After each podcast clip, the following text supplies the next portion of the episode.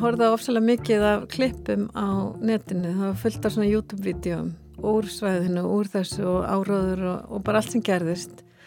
Þannig að hann byggja myndina á, á svona YouTube-klippum. En við getum þó notið þessa tímapunktur á meðan að varir.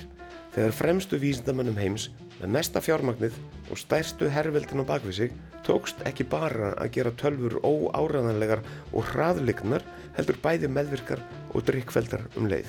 Og ég held að mér finnst það ákvæmverðast við að horfast þetta sko að það var ekkert verið að reyna að fela hvað þeir eru unlikeable oft á köplum sko. Einmitt, að sko sem að kannski bara feminismi er að konan má bara vera manneskjan sem hún er og á alls ekki að þurfa að vera fullkominn eða eða allt en allt sitt á hreinu eða pen eða alltaf til fyrirmyndar og falleg. Hún er bara, bara þessi manneskja sem hún er. Og það er það sem er frelsandi við þess að þætti. Í læstin í dag Breiskar Vélar Sergei Losnitsa og Girls Endur Áhorf. Ég heiti Kristján Guðjónsson. Og ég heiti Lóabjörg Björnstóttir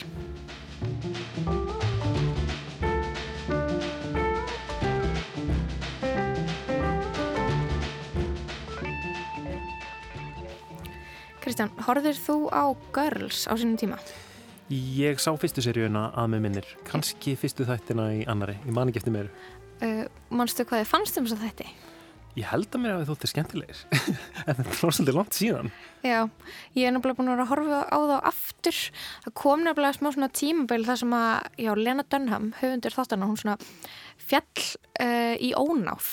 Uh, hún, okay. hún, hún var eitthvað svona var þótti svaklega mikið æði svo allt í hennu þá hætti fólk að fílana og hún einhvern veginn steig úr sviðslösunu og svo einhvern veginn eru margir búin að vera að endur heimsækja þessa þætti og mm. horfa á það aftur og sjá það einhvern veginn nýju samhengi og þeir eiginlega eldast sko förðulega vel. En Kristján, þú varst á okkur um alltaf um stað.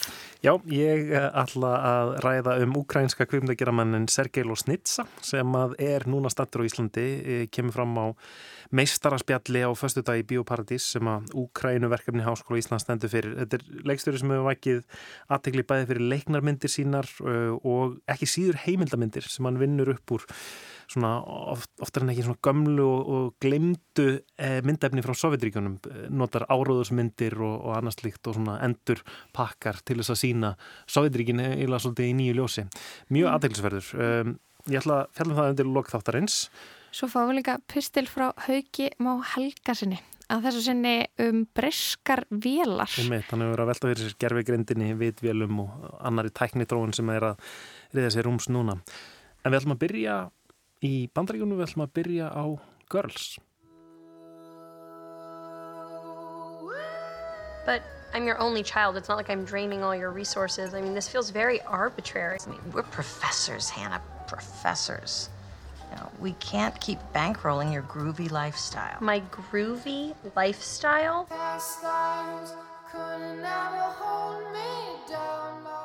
Að gefnu tilefni ætlum við að revja upp sjómanstættina Girls frá árunni 2012. Það kom út sex serjur af þessum þáttum og svo síðasta fór í loftið árið 2017. Þættinir voru syngdir á HBO, rétt eins og þættinir Sex and the City, sem eru að einhverju leiti fyrmynd þáttana. En það var komin ný kynnslóð, aldamóta kynnslóðin, með nýja nálgun á það hvernig það er að vera ung kona í stórborginni New York. Í vinkonahóp sem er að reyna að fóta sig í vinnunni, í ástinni og í vinkonu samböndum. Höfundurinn Lena Dunham skrifaði, leikstýrði og fór með aðallutverk þáttana, hönnu Horfað sem er að einhverju leiti beigð á henni sjálfri. And then I have a dinner thing, and then I am busy trying to become who I am. Ef þú googlar Why is everybody rewatching Girls, af hverju eru allir að endur horfa á Girls, kemur upp töluverður fjöldi greina með sömu fyrirsögn. Menningarínar að velta fyrir sér af hverju þessi þáttur er orðin vinsæl aftur nú tíu árum eftir að hann kom fyrst út. Undur fyrirsögn einnar slíkrar greinar sem er að finna í tísku tímaritinu Glamour er kemur ljós að þetta er allt annar þáttur en þig myndi. Og hvort sem að það eru raunverulega allir að endurhorfa á girls þá er áhugavert að velta fyrir sér þessum þáttum. Jemima's my best friend from, you know, sixth grade. And I think also not to be the girl who cried misogyny every day, but people are always looking for reasons why women are successful. Greinahöfundur Glamour rifjar upp viðtökur þáttan á sínum tíma og það var margt í þeirri uppröfun sem ég kannadist við en það horfi ég á þættina á sínum tíma og heitlaðist mjög. Ég las æfisögu Lena Dunham og fyldist grænt með umröðum um þættina. Lena Dunham var stjarnar og fyrirmynd. Hún var vonar stjarnar nýrar kynnslöður ungra feminista sem að auðröðu. Hún var snillingur sem gætt allt, skrifað leikstýrt og leikið. En á sama tíma var hún gaggrind fyrir alls konars. Personur þáttana voru flestar kvítar, þetta var of mikið um millistjætt. Þættinir væri í raun kvennfyrirlitnir og þetta var of mikið forritundavæl. Og síðast en ekki síst var velgengni þáttana fjölskyldutengslum og menningarauðmagni Dönham að þakka og samband fólks af aldamótakynslaðinni við Girls varð flókið. Stóðust þátturinn siðferðiskröfur þessar vel upplistu og réttlætis þengjandi kynslaðar.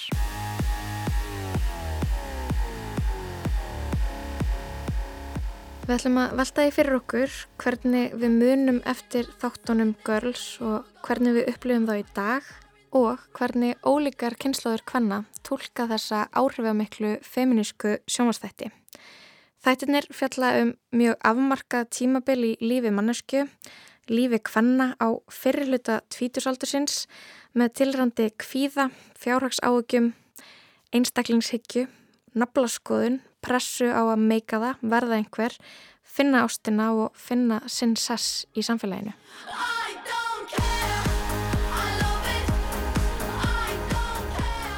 Hingað eru komnar þær Una Ragnarstóttir nemi við mannskólinni Hamralíð og reytvendurinn Auður Jónsdóttir. Þær eru komnar hingað í lastina til þess að spjalla við mig um þættina Girls. Við erum velkomnar. Já, takk. Fyrir. Sko, Una, við byrjum á þér. Hvenar horfður þau fyrst á Girls? Ég held ég hafi byrjað fyrst að eitthvað að tjekka á þessu fyrir svona ári kannski. En ég fór ekki skipilega að horfa á þetta fyrir enn í svona desember. Þá byrjaði ég bara fyrst að þetta og er búin að vera að horfa í gegn núna mm -hmm. Mér stræðið sko. Þetta er held ég mjög ólíkt eitthvað sem myndi, þó að sé ekki nema hvaða tíu ár eða rúm tíu ár síðan þetta kom út, held ég að þetta sé mjög ólíkt eitthvað sem myndi kannski endilega vera gert á nákvæmlega einshátt í dag.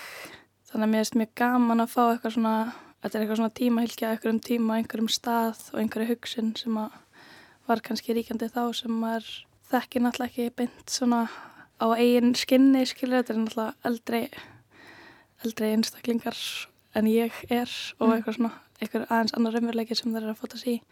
Þannig að þú tengir kannski ekkert við allt sem þær eru að gangi í gegnum. Nei, kannski ekki það sem það er að gangi í gegnum en maður tengir náttúrulega bara alltaf við þessi vinkonu sambönd og þessi sambönd eitthvað hvenna, mér finnst það, það bara því að gerst mjög góð skili sem þáttum þó að það séu náttúrulega alveg galnar sko, þá er það svona líka bara real. en, en, þú veitur, hvaðna, hvenar sástu Girls fyrst?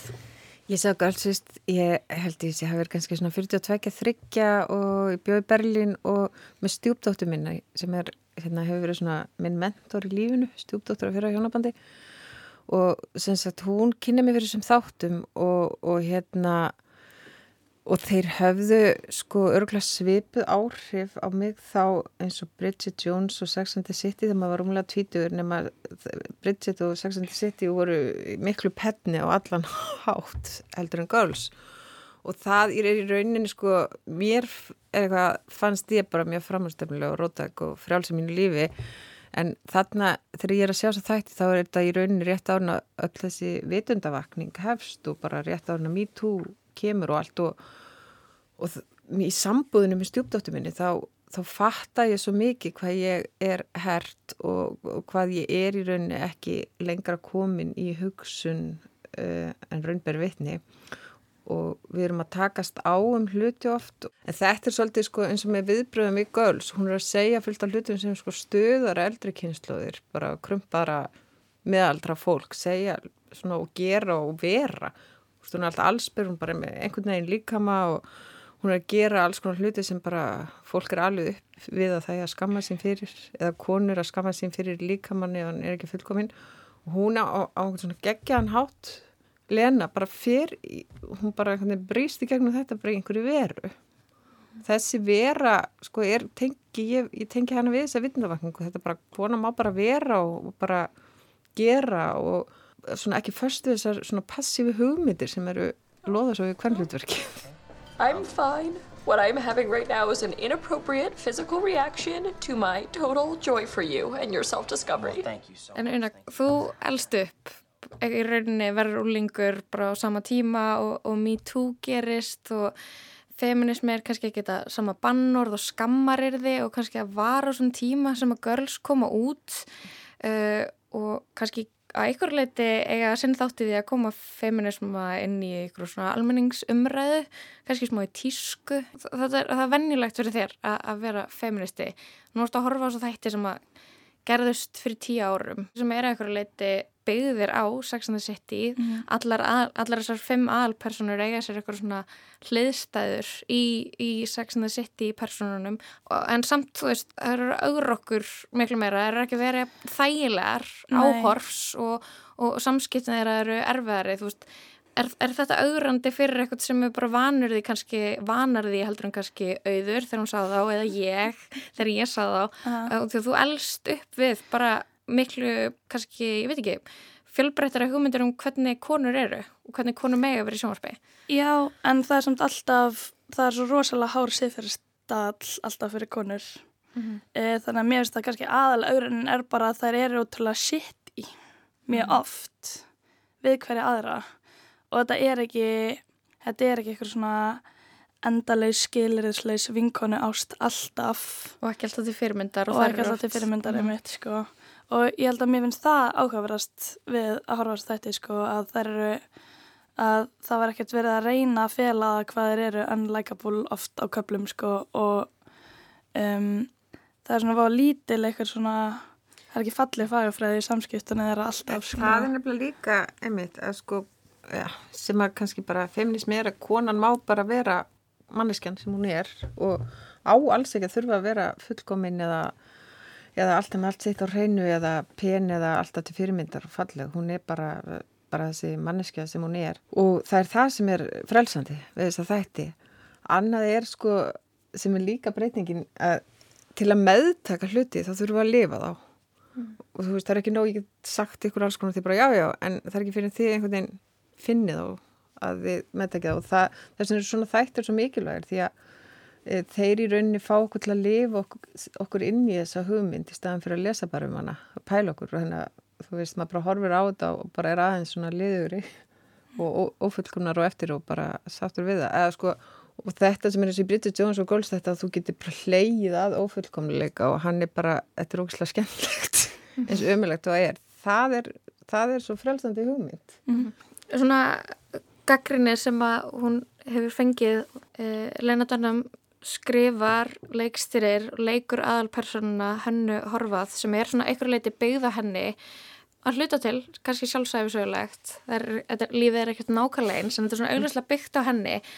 Og hún skrifar sig sem þessa ófullkomnu leiðilegu sjálfkverfu Uh, stundum perrandi og, og allt þetta svona, hún, bara, hún er heiðarlega með það og, og er ekki að reyna að vera flottari eða betri manneski heldur en hún er. En þetta er miklu ofta tekið frá konum að þær hafi listræna sín að það sé ákveði nálgun eða teik og það sé verið að gera þetta verk sem lútið sínu lögmálum og hún, hún sé með þá og hún er að bera þetta borð sem listamaður en að, sem að er svo oftu konur að sagt, já, þetta er bara hún og þetta er bara eitthvað, hún er bara svona og þetta fer allt í því persónlega þú veist, þegar konur skrifa þá er þetta um þær, þegar kalla gera þetta þá er þetta heið almenn og þetta er um lífið og þetta er heimsbyggi eða þetta er listaverk.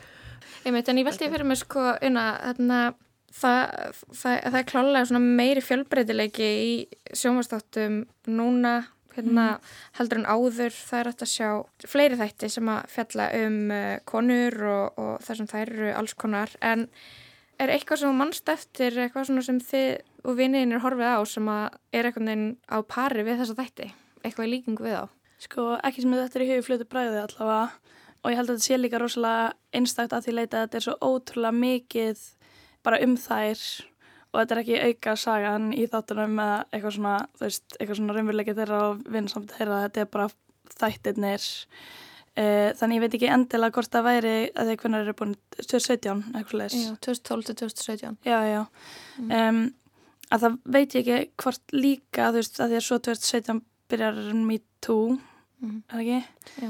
að ég bara veit ekki sko af því að þeir voru svo ótrúlega ó- óforskammaðir og hún gerði þetta svo mikið á sínum forsendum allt að ég veit ekki hvort þetta myndi um, konsepti myndi nokkuð tíman einhvern veginn virka alveg aftur, skilur einhverju formi, einhverjum öðrum þáttum eða eitthvað Mm. uh, Finnst þér það eins og þessi komið eitthvað svona bakslag eftir, að, að, fe, eftir feministka baratu að við sem aftur komum með mjög stránga reglur fyrir konur?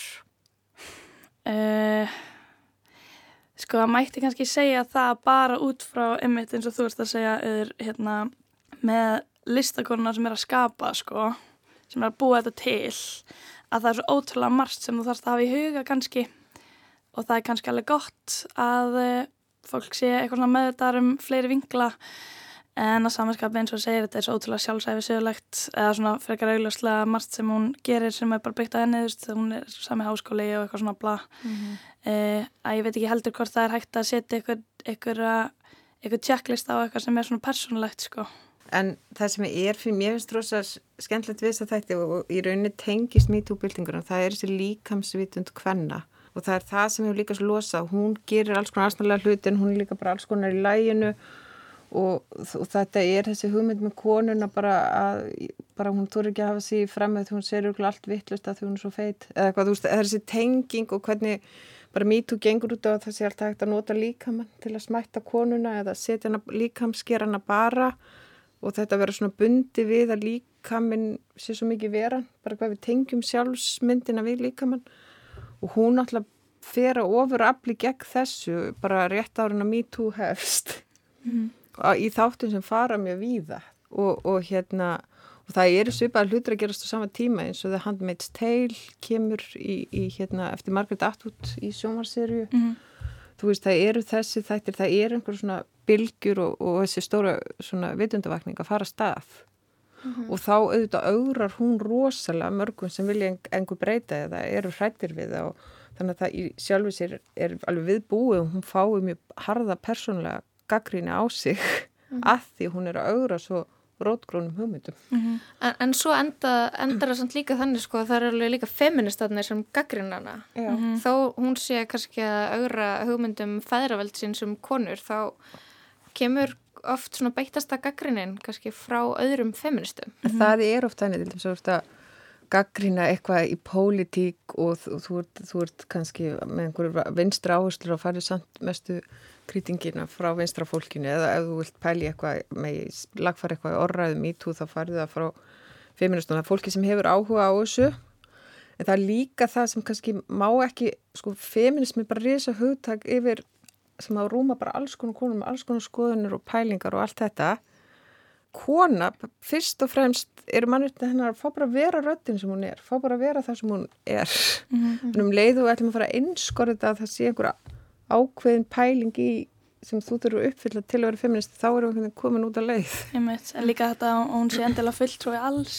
Já, svolítið út frá því sem þú ert að segja bara En neina, ég er, svona, ég er að velta hérna fyrir mig sko, þú elst upp á samfélagsmeilum uh, og þarna allir hafa rödd þar og, og stað til þess að segja hvað þeim finnst. En, en líka á sama tíma þá þarlegandi undir meira eftirliti uh, mun meira aðhaldi heldur en kannski einhverju sem var að blogga árið 2002 þá svona ef þú, ef þú segir eitthvað vittlust á Twitter eða setur eitthvað uh, lélega pælingu í stóri á Instagram þá þarna getur manni verið refsað fyrir ranga skoðun. Girls er svo óheflaðir þættir. Og ég velti fyrir mér sko hvort að þú upplifir að, að, að það sé kannski eitthvað svona frelsi þar sem að þú sérð ekki í kringum þig hvort að þarna við séum kannski komin smá tilbaka. Konur fá ekki lengur að vera óheflaðar út af því að það er lúkslega mikið eftirlit. Mhm. ég veit ekki hvort ég er að þarna, Jú, ég, ég er ég sé, bara ímynda mér þetta en svona mín tilfinning. Já, nei, algjörlega sko, það er náttúrulega bara almáli með þetta eins og ég var að tala um að með bara hvað er eitthvað frelsandi við að sjá þær bara vera ítrekkað frekar leðlar og gallar og eitthvað breyskars. Mm. uh, það er bara mjög það, það er það sem er nýtt vita og þess vegna held ég að það er eigi aftur er, eigi ennþá erindi núna skilur og að ástæðan fyrir því að fólk sé að horfa þetta aftur núna er bara að þetta er einmitt, það gæti alveg tengst þessi eitthvað sko, að þetta sé eitthvað frelsi sem að er ekki, sem að e, rýmist ekki annar staðar kannski núna endilega, ég veit það ekki Great, we'll read it on the plane No, now. I need to read it now. Because I don't want to freak you out, but I think that I may be the voice of my generation. Or at least a voice of a generation. Hanna Horvað segir bara í, í pælotunum uh, í fyrstu seríu í Girls við fóreldri svona uh, ekki, ekki, ég vil ekki fríka ykkur út en það gæti verið þessi rött minnar kynnslóðar og þarna, ég veldi yfir að mér þú veist hvort hún hafi ekki bara reynst sannspá uh, hvort að hún hafi ekki endað að eitthvað leiti sem rött sinna kynnslóðar en hún er í þessari eins og snillingar sem að vilja vera listamenn. Stöðu svona sjálfskoðun uh, svona minnir eitthvað leiti bara svona, svona út í allen. Vi, við sjáum svo lítið þarna kvennsnillingin Sjáum svo lítið, sko máli er að segja samt það sem enginni marga snillinga er mjög intensív hugsun sem ég held að enginni hana. Mm -hmm. En sko þessu stutt síðan og bara er ennþá hugmyndin um snillingin er svo rosalega kallæg og ég tók einhvern veginn viðtal við konur sem hefur verið giftar mér svona, sem hitt eitthvað, ég var mjög ung makin og bak við stórhugan eða snillingin eða eitthvað.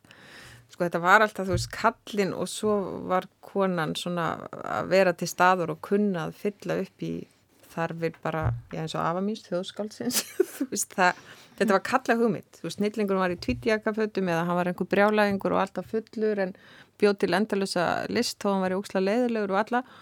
Og ég veit alveg um nokkra svona bara snillinga þessi samfélag og svo, svo var konan bara í rauninni þú veist Sáum að halda svo öllu saman. Sáum að halda svo öllu saman. Og, og sko en þessi hugmynd er ég menna hún tröflaði mig þegar ég var að fara unga að skrifa og ég var bara eitthvað með ofstór brjóst í lópapeisu og, og, og bara kunni ekkert og svo var þessi afi minn í tvítfutunum sem var svona bara snillingur í Ísland og þetta bara gjörðsumlega ósamlega hugmyndir að ætla að vera rítuöndur því þú strítuðundunum var bara einhver maður í tvítvötum eða þú veist þetta mm -hmm. bara brjótt og það, stu, og það er ekki bara að tala um mig heldur það var bara svolítið upplifun síðustu aldar svona verið snillingurinn mm -hmm. en svo bara þú veist brist þetta allt upp því þú veist þetta er bara einhver svona aldardilla, einhver eða þú veist aldilla aldana þú veist og að þessari bara öll hefur þetta allt brotnað í klassu og, og, og á síðustu öll byrjaði að brotna en e, þessi ímynd, þessi hugsin er rosalega djúbi okkur mm þannig að Lena, hún verður svona bara eitthvað, neða hún, hún verður, þú veist, hún getur ekkert verið að taka sér þetta lefinum og hún fáið sér almennilega tvítfötu það er svona eitthvað.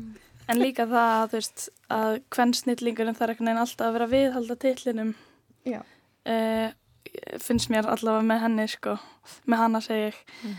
að hérna, að þú veist það er ekkert neina alltaf að vera að leta eitthvað smá til þess að ná höggi á, á, á hana sko e, þegar það er oft nóg bara fyrir, fyrir kallsnillingin að gera eitthvað eitt geggjað og það er ekki endilega verið að setja hann til smásjá restin af já, ferlinum hann, sko.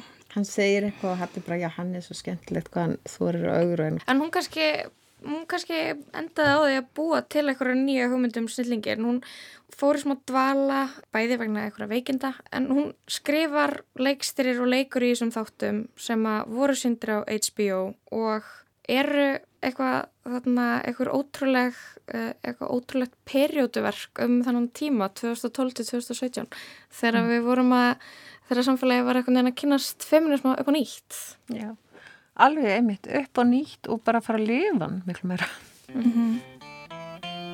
Can nobody love you Það er endalist í viðbútt sem við getum rætt en ég held að við komumst í mér ekki lengra. En getum við skrifað henni bref saman innan Skrifað henni þennan bref Já, Já þakk henni fyrir. Uh, Þakk ykkur fyrir komuna inn á auður Gaman að spjalla við ykkur.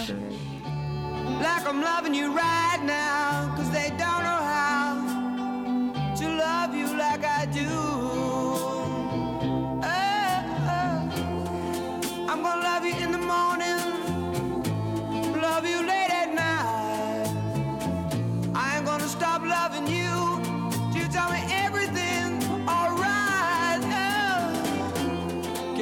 try to love you like I'm loving you right now.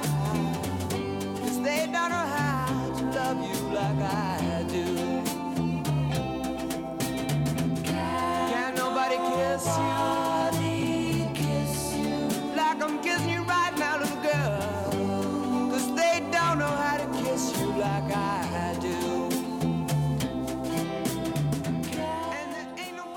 Þá haldum við yfir í alltara sálma. Haugur Már Helgarsson í töfundur, teku við.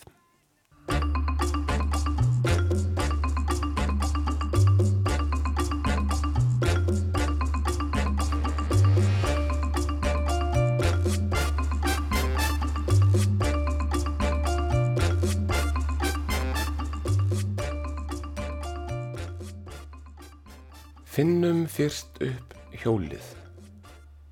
Elsta hjólið sem fundist hafa leifar af var notað fyrir 5.000 árum þar sem nú er Írak við leirkerasmíð. Fyrsta hjólið lág flatt til að því mætti snúa í ringi og móta ílát úr leir millir fingra sér og þannig verist hjólið hafa verið notað í 700 ár áður en einhver snerði upp á rönd og notaði til flutninga, segir sagan. Fjögur, fimm þúsund árum setna, upp úr miðri síðustöld, settu menn saman fyrstu rökrásirnar á örflögum á því svæði í Kaliforníu sem síðan hefur nefnst Silikondalur.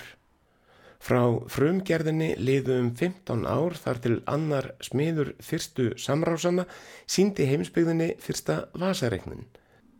Sigur ganga rökrásana hefur verið óslitin síðan. Fremsta výlina þeirrar framöndu liggur nú á sviði gerfikreindar eða vitvjela og sínilegastar þeirra eru þær vélar sem við getum kallað málver, vélar sem framleiða nýjar setningar. Anspænis þessu nýtilkomna undraverki, fyrstu málverunum, líður manni svolítið eins og saga rökrásana undan liðin 70 ár, jafngildi sögu hjólsins á leirgerðarstíinu. Leirgerðarsmíð tók vissulega ýmsum framförum, en sjáuði þetta reyðhjól, sjáuði þessa emreið.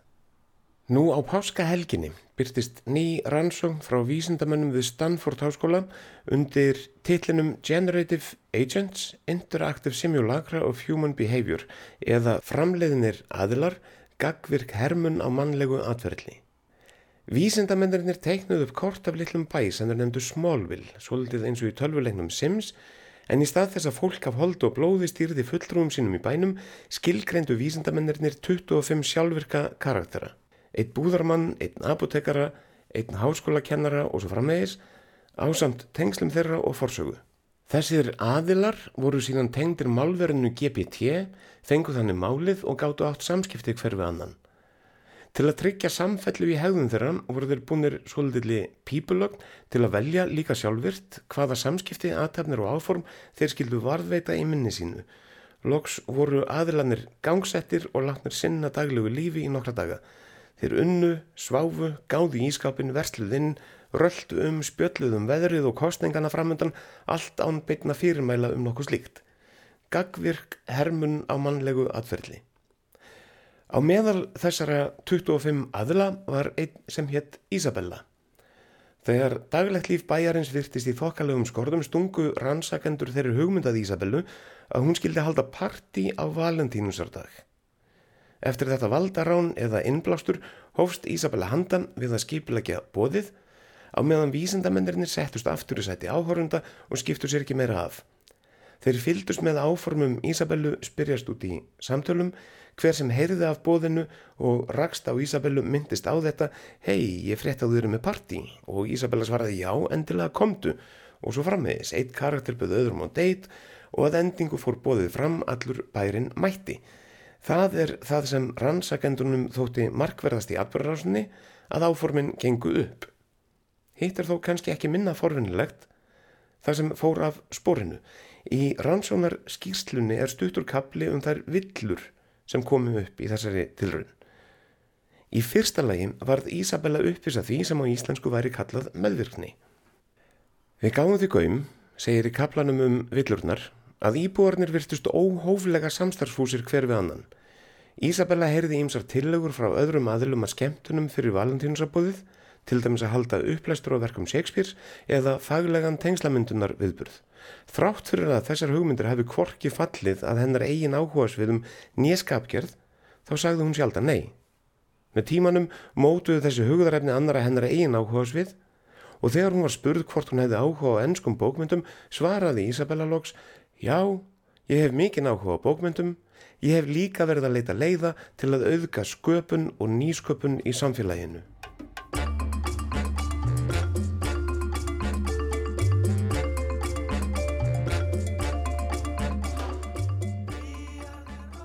Tveimur vikum fyrir páska byrtist opið bref undirritað af þúsund sérfræðingum á sviði gerfigreindar og skildra sviða.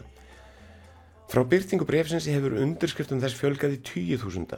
Ég hunsaði brefið sjálfur, skellti við skollaðerum, meðal annars vegna þess að meðal höfundabrefsins er maður sem stundum er ríkasti maður heims en virðist alltaf sá aðtiklis þyrstasti, með leiðist að veitunum mína aðtikli nóg á hann samt, en þetta er forvinnlegt bref.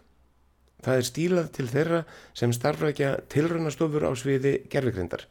Það er skorað á fyrirtækin að hæja á sér, ekki að hætta þróun vitvélana, heldur gera hlið, taka pásum til að við getum tala saman og sett vélunum leikreglur áður en lengra er haldið. Eigum við að leifa vélunum að fleita áróðri og ósannindum í upplýsingamidla. Eigum við að sjálfvirkni væða öll störf, jafnvel þau sem veita fólki ánægjum. Er á meðal þess sem höfundarnir spyrja og segja að með leiklíi og vitrænum leikreglum megi tryggja að nýju vélanar verði til góðs frekar en stefna veröldunni allri í eitt hvert glóruleysi. Þetta bref er ein af ástæðum þess að ég sá fyrir mér að tala um fatalisma í þessum pysli. Hvernig okkur hættir til að mæta tækninni eins og hún sé óhjákvæmileg, framtíðin þegar orðin hlutur.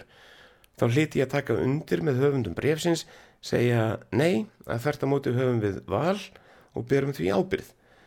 En í þessu samengi verði að játast því að ég neyjist til fatalisma sjálfur. Segjum að vísendaleg forvinni sé ekki hamslus, vísendamönnum sé sjálfrátt og þeir geti haldið aftur af sér eins og opna brefið gefur til kynna. Og segjum jáfnvel að þeir næðu eirum helstu fjárfesta sem myndur hingja hverja annan og segja já, þetta er rétt, sínum stillingu, ráðfærum okkur við stjórnvöldu og almenning áður en lengra er haldið þá held ég þó að bæði þekkingrafísnin og auðmagnið blikni við hlið þriðja aflsins í þessu samingi. Þriðja reyfiðablið það eru ríkin, herinnir og stríðun þeirra. Við lifum á stríðstímum. Öll ríkin eru að gýra sig upp. Jafnvel litla líföldið Ísland ætlar ekki að láta sitt eftir likja. Hvort sem við sendum bara fleiri lopapeisur og tökum hlílega á móti ferðalunum sprengjuþótum eða stopnum sjálf hér eins og lagt þetta til í nýri bók, nú ætla allir að vera með. Og herrveldi í vígahug neyta sér ekki um tækniníungar, þau neyta sér ekki um að kanna möguleika hjólsins þegar einhver hefur loks ristað upp á rönd. Það er ekki áfangastæðurinn sem skiptir máli, segir Klísjan, heldur leiðin. Leiðin er að minnstakosti áraðanlega fyndnari. Hjólið vakandi, vagnin skröldandi, allir veltandi. Hinn er sjálfvirku íbúar tölvugjörðabæjarins Smálvill reyndust ekki bara meðvirkari en rannsónarteimið hafði reikna með, heldur urðu þeir líka uppvísir að því sem í skýrslunni frá Stanford er kallað taktleysi. Sumir aðilar segir þar, kusu óheðbunna staði fyrir aðtapni sínar, sem gerði atferðli þeirra ótrúverðugra eftir því sem tímin leið. Þegar þeir ákváðu hvar þeir skildu borða háteismat völdu til dæmis margir kaffihúsið til að byrja með. Þegar aðilarnir lærðu hins vegar að í nágrenninu væri að finna bar ákváðu margir að fara heldur þangað í háteginu þrátt fyrir að barinn væri hugsaður sem samkominnstaður fyrir senilutadags. Gríðarlegum fjármunum hefur þegar verið varið í þróun málverana og sjálfsagt munu þau setja allt á annan endan. En við getum þó notið þessa tímapunktur á meðan að varir þegar fremstu vísindamönnum heims með mesta fjármagnið og stærstu herrveldin á bakvið sig tókst ekki bara að gera tölfur óáraðanlegar og hraðlignar heldur bæði meðvirkar og drikkveldar um leið. Þær mun ekki bara vinna vinnuna fyrir okkur og yrkja ljóðin heldur drekka á daginn líka. Mennskari en nokkur sinni. Loksins segir engin því engin beigð beilinnis eftir þessu loksins breyskar vélar.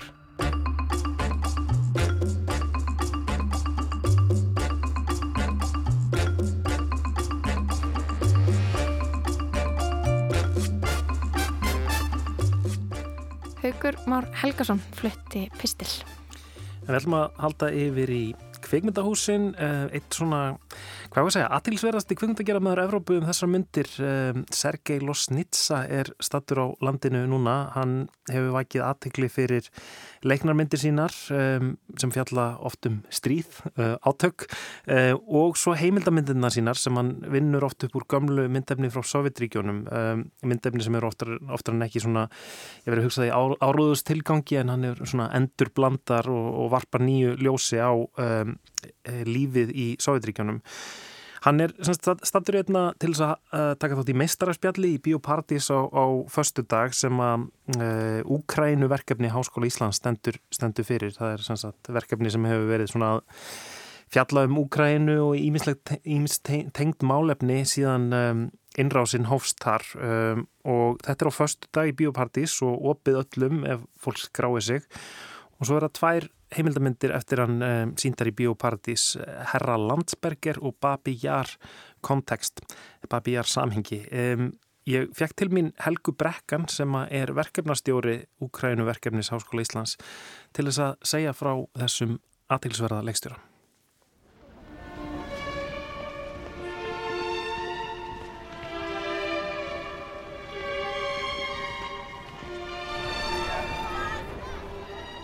hann er sérst fættur í rétt við kvíturústensku landmarina en ólst upp í Kíaf 64 og er uh, læri starffræði og japansku og ákvæður síðan að fara í, kveimdaskólan og eftir svona sóttum tvisar og komst inn í gig í Moskvu og síðan hefur hann bara unni mjög mikið við að gera eh, heimildamindir sem byggja á arkjæðni og þetta er náttúrulega tíma líka sem hann er í kveimdagerð þegar að múrin reynur og Sávitrikinu er að leysast upp. En allavega þá hérna, hefur hann gert mjög mikið heimildamindum sem byggja á arkjæfni til dæmis Blakada sem fjallar um umrásin umsetrið í Leningrad þar sem að þúsundir létust úr hungri.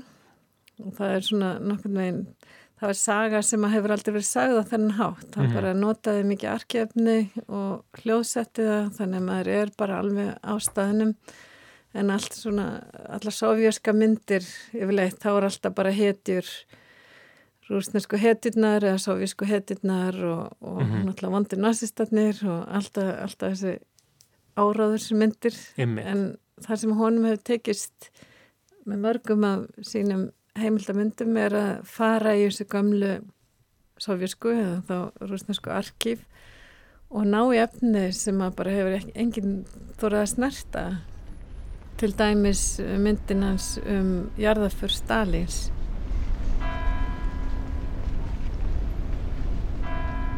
Það er bara ótrúlegt efni sem var tekið upp í mars eftir að, hérna, já, 1953 eftir að Stalin dó og þá var bara tekið upp út um öll Sovjetiríkin og ofsalega flott efni og flotti tökumenn og, og svo var þetta bara sett upp í hillu af því að Khrushchev og allir sem kom á eftir þeir vissi ekkert hvað ætlaði að gera við það og svo var náttúrulega bara aðeins að minga hérna Stalin kvöldið en hann gerði setta þessa mynd saman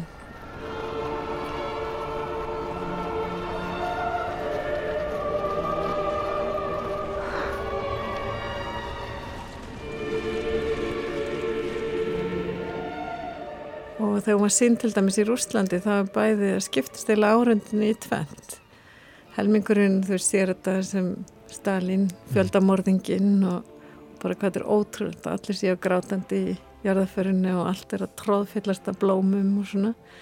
Og meðan hinn er horfa bara á þetta og gráta með mm. því að já, þetta lýsi líka svolítið bara klopningnum í Rúslandi hann, hann er einmitt, já, hann er að, að, að fara í söfnin að, finna myndefni oftar en ekki einmitt áróðurs myndefni sem er ætlað í ákveðin tilgangi eh, en hann er svona einhvern veginn að endur matriða þetta Um, ekki af því sem ég sé þá er það ekki með einhverjum hérna, skýrum frásögnum sem sögumæður segir eða það er ekki, ekki sérfræðingar að útskýra þetta heldur myndefni tala bara sínu máli. Um, en ég var að velta fyrir mér sko hann er auðvitað samt alltaf að já, hann er að segja einhverja nýja sögu, hann er að nota gamalt efni til að segja nýja sögu og, og einhvern veginn skapa nýja narratífu um, hvernig svona, veistu hvernig svona umræðan hefur verið um þetta sko, er, er þetta gaggrínt eða, hefur hann sko- ekki einróma lof bara? Eiginlega einrum að lofa, eiginlega skiptist það ekki tvo hópa, það var bara einmitt þessi Stalin uh, jarðaför, sko, Mhm. af því að það er svo sérstakt. En hans ferill hefur þannig að hann, hann líka hafi sagt að hann vil alls ekki vera með spíker, uh, bara sögumann og ef það er einhver útskýringar þá er það kannski textar sem kom í lokin eða svona rétt á milli. Þannig að hann gefur, gerir mikla kröfur til árenda með heimildamyndir sínum. Enda ef maður líka fer í gegna þá fær hann fólk yfir til að hugsa og það er svona virðist vera hans markmið Mhm. og ég geti kannski ekki alveg vita það en þess vegna er það mjög merkilegt að þessi heimildamind sem að vera sínt hérna á opinsýningu í Bíóparadís á lögadaginn 15.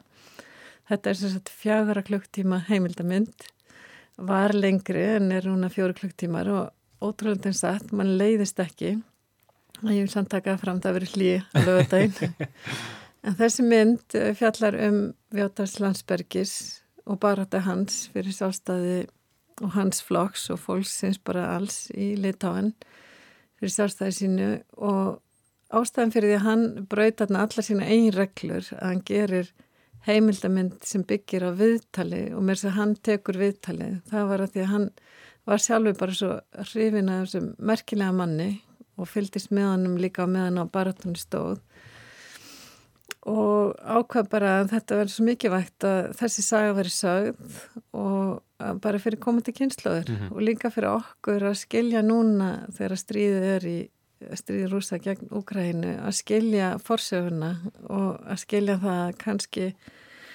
var þessi baráttar sem átti sér staði í Litá en hún hefði kannski átti að eiga sér staði líka í Úkrænu og öðrum landum og að sovjíska heimsveldi er ennþá eins og kvalur að rotna eða hvað segir maður? Já, þetta er, ég, ég get ímynda mér að það séu margir sem einhvern veginn eru, eða, eða sko á- áhugin á Sovjetríkjónum og svona kannski endalokum eða svona eh, ókostum og göllunum og, og, og því sem að var að í Sovjetríkjónum og, og hvernig það er einhvern veginn að hafa áhrif inn í samtíman, það er eitthvað sem fólk hefur svolítið áhuga á núna og, þessar myndir hans kannski tala bara einmitt inn í það að því að uh, við, við sjáum hversu uh, aktúelt þetta er veginn, hver- hversu miklu máli þetta skiptir upp á heimsmyndina í dag.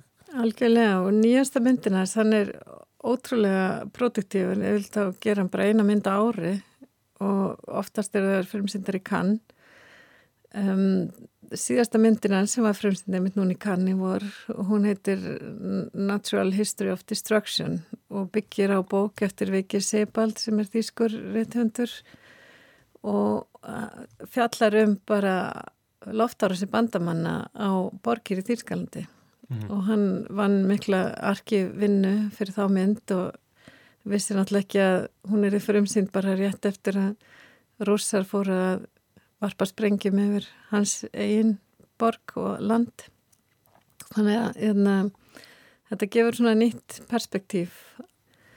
Sko, ég, ég mynd veldi fyrir mér að það er verið að núna á föstudag á undan spjallinu við hann þá, þá verið sínt þessi mynd uh, Babi Jar uh, samhengi sem, a, sem að fjallar um eh, fjöldamorð á, á gýðingum í Úkrænu uh, á, á tímum þegar hérna, nasistar riður ríkjum þar. Sko, og, og í rauninni virðist takast á kannski við samsekt Úkrænumanna þar og, og svo leiðis, ég, var að velta við, sko, mér finnst eins og hann sé að takast á við rosalega sko flóknar og erfiðar spurningar án þess að kannski sko eða veist, ma maður geti ímynda sér núna á, á tímum þegar rússar eru stöðut að því í, í sínu landi að það séu nasistar í Úkrænu að þetta væri mjög viðkvæmt umfjöldunarefni en hann, hann verist ekki skorast undan einhvern veginn þeirri ábyrð sko.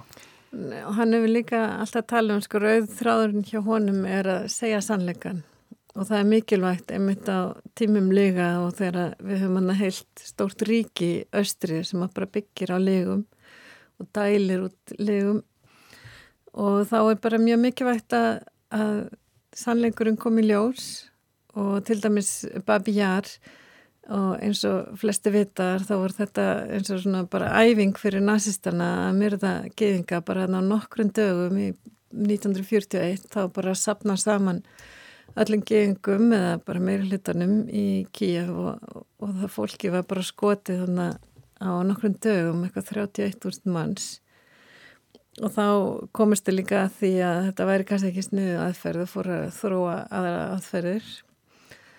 Og það voru mjög margir myrtir þannig á þessu svæði. Og svo eftir, um, eftir að heimstyrlun laug og, og allt það, þá bara sett upp minnismerki um að þarna höfðu dáið sovjaskir borgarar. Og, og Sergi Losnitsa leiksturum sjálfur ólstöpanni að nálægt og mann eftir þessu og þessum gardi og svona. Og var ekki fyrir einn setna hann komst að því hvað gerist þarna og þá ákvaðan að gera, skrifa handrit og er að undirbúa leikna mynd um þessa atbyrði. Mm -hmm. Einmitt, hann, hann gerir náttúrulega líka leiknar myndir um, og ég verð bara að segja sko að, að um, ég held bara, ekki nýjasta mynd, eða síðasta myndin hans, Dombass, um, sem er náttúrulega gerð svolítið vel fyrir innrásina en, en, en fjallar um átökin í austurluta Úkrænu sko það er einhver svona bara með eftirminnilegri stríðsádælum sem ég hef séð um, einhvern veginn sko hryllingurinn, e, þetta er svo, svo grótesk svona satýra, stríðsatýra en, en einhvern veginn hvernig sannleikurinn er, er skiptir engumáli og, og bara einhvern veginn afmennskunin sko, hérna, alveg mögnuð, mögnuð mynd, en, en hann er sem líka að gera leiknarmyndir. Hann hefur gert nokkra leiknarmyndir og Donbass var opnunumyndin á Riff hérna 2018 þegar hann var annar af heiðskjastunum Donbass uh, var tilbúin hann 2017 18 og hann gerð hana eftir að stríði hófst. Við erum að munna það að stríði hófst 2014 með því að, að Rúsland innlimaði Krimskaga og hófi innrás í Donbass og Östur héröðin og þá uh, ákvað Losnitsa að gera mynd og hann horfði ofsalega mikið af klippum á netinu, það var fullt af svona YouTube-vídeóum úr svæðinu, úr þessu og áróður og, og bara allt sem gerðist. Þannig að hann byggja myndina á, á svona YouTube-klippum mm, og maður heldur bara, vá, hvað þetta er mikið, þú veist, absúrt en þetta er allt byggt bara á eins og þegar maðurinn gengur hann og hann er svona piskar, þú veist, já, en allavega það er það sem að vakti fyrir honum að vekja aðteklaði vegna þess að árið 2014 þá hófst stríð rúsa gegn Ukrænu og þá var bara eins og öll Evrópa bara sett á snús á vekjarklökunni og það er svona náttúrulega þegar árás innrásinn hófst 2004. februari fyrra þá náttúrulega mikið sjokk sko. Mm -hmm og ég sá bara nýlegt viðtalið Lasnitsa sem var að tala um sko, um, ég vona hann hafa ránt fyrir sér en hann er að meina að stríði Úkræðinu sé svona eins og borgarstríði á spáni svolítið æfingarstríð fyrir starra stríð. En þó hann hafa oft rétt fyrir sig og vona að það sé ekki alveg rétt. Hann, hann hefur náttúrulega verið núna um, að gera sig gildandi í, í umræðinu og ég meina auðvitað er hérna, hann er alþjóðlega þekktur svo, og, og hérna það, er leitað eftir, eftir hérna eh, kommentum frá honum varandi stríði og svona. Um, en hann hefur svona uh, já verið svolítið í eldlinni, hann, hann sæði sig úr uh, sambandi Európska kvikmyndagjaramanna, sá ég.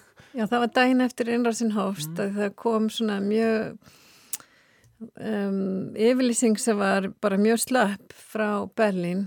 Þegar þau voru að segja já við fordæmum en þau nefnduð ekki stríð og þá var þann bara mjög reyður og sagði að þú eru ekki að kalla stríð stríð og þá sagði hann sig úr.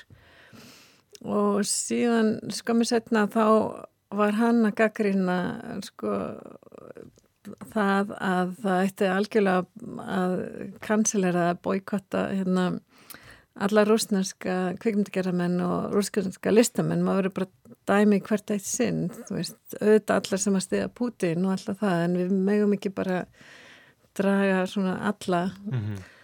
og fyrir það þá var hann reygin úr ukrainsku kvikmyndaakademíinu en, en það kom nú bara í ljós að það var einhver öfundamæður hans þar sem, að, sem var ásakan fyrir að vera kosmopoliт en hérna þetta er nú einmitt svona orðir sem að Stalin notaði til þess að hérna, gaggrína fólk.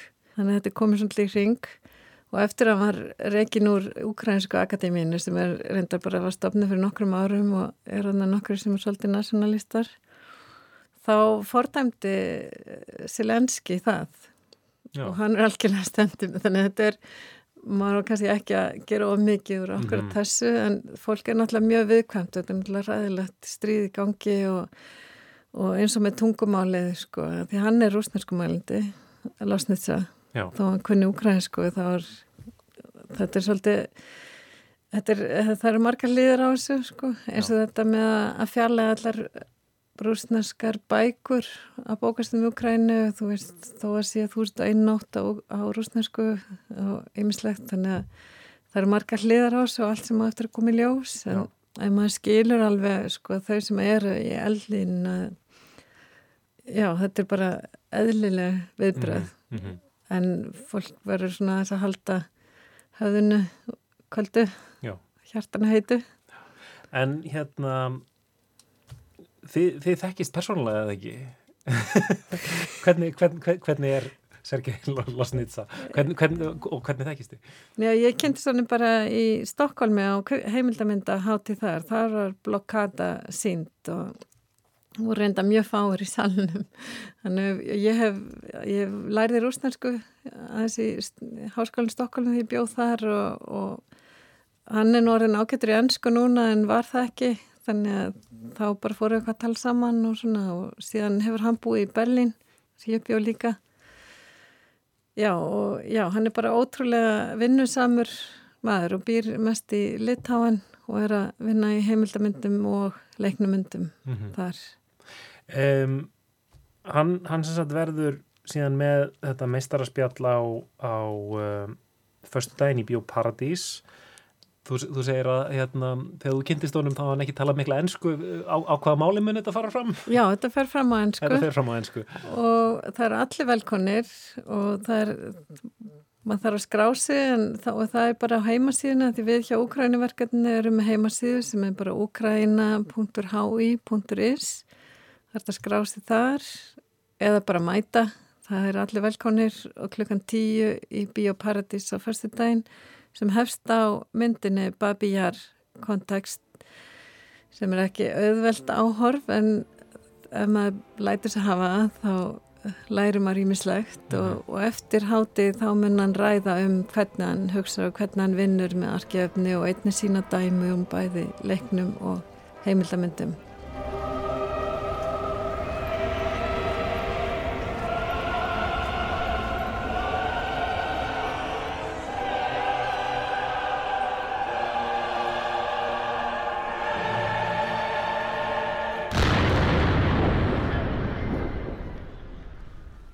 Þetta var Helga Brekkan sem að saði frá ukrainska leikstjórnum Sergei Losnitsa sem að kemur fram á mistarspjalli í Bíóparadís núna á förstu dag á vegum Úkrænuverkefnins Háskóla Íslands. En þar með er lestinn komin að leðlagum. Já, við Kristján og Lóa þökkum samfélgina í dag. Tæknumæður var Lidja Gretarstóttir. Við verum hérna aftur á morgun. Verðið sæl.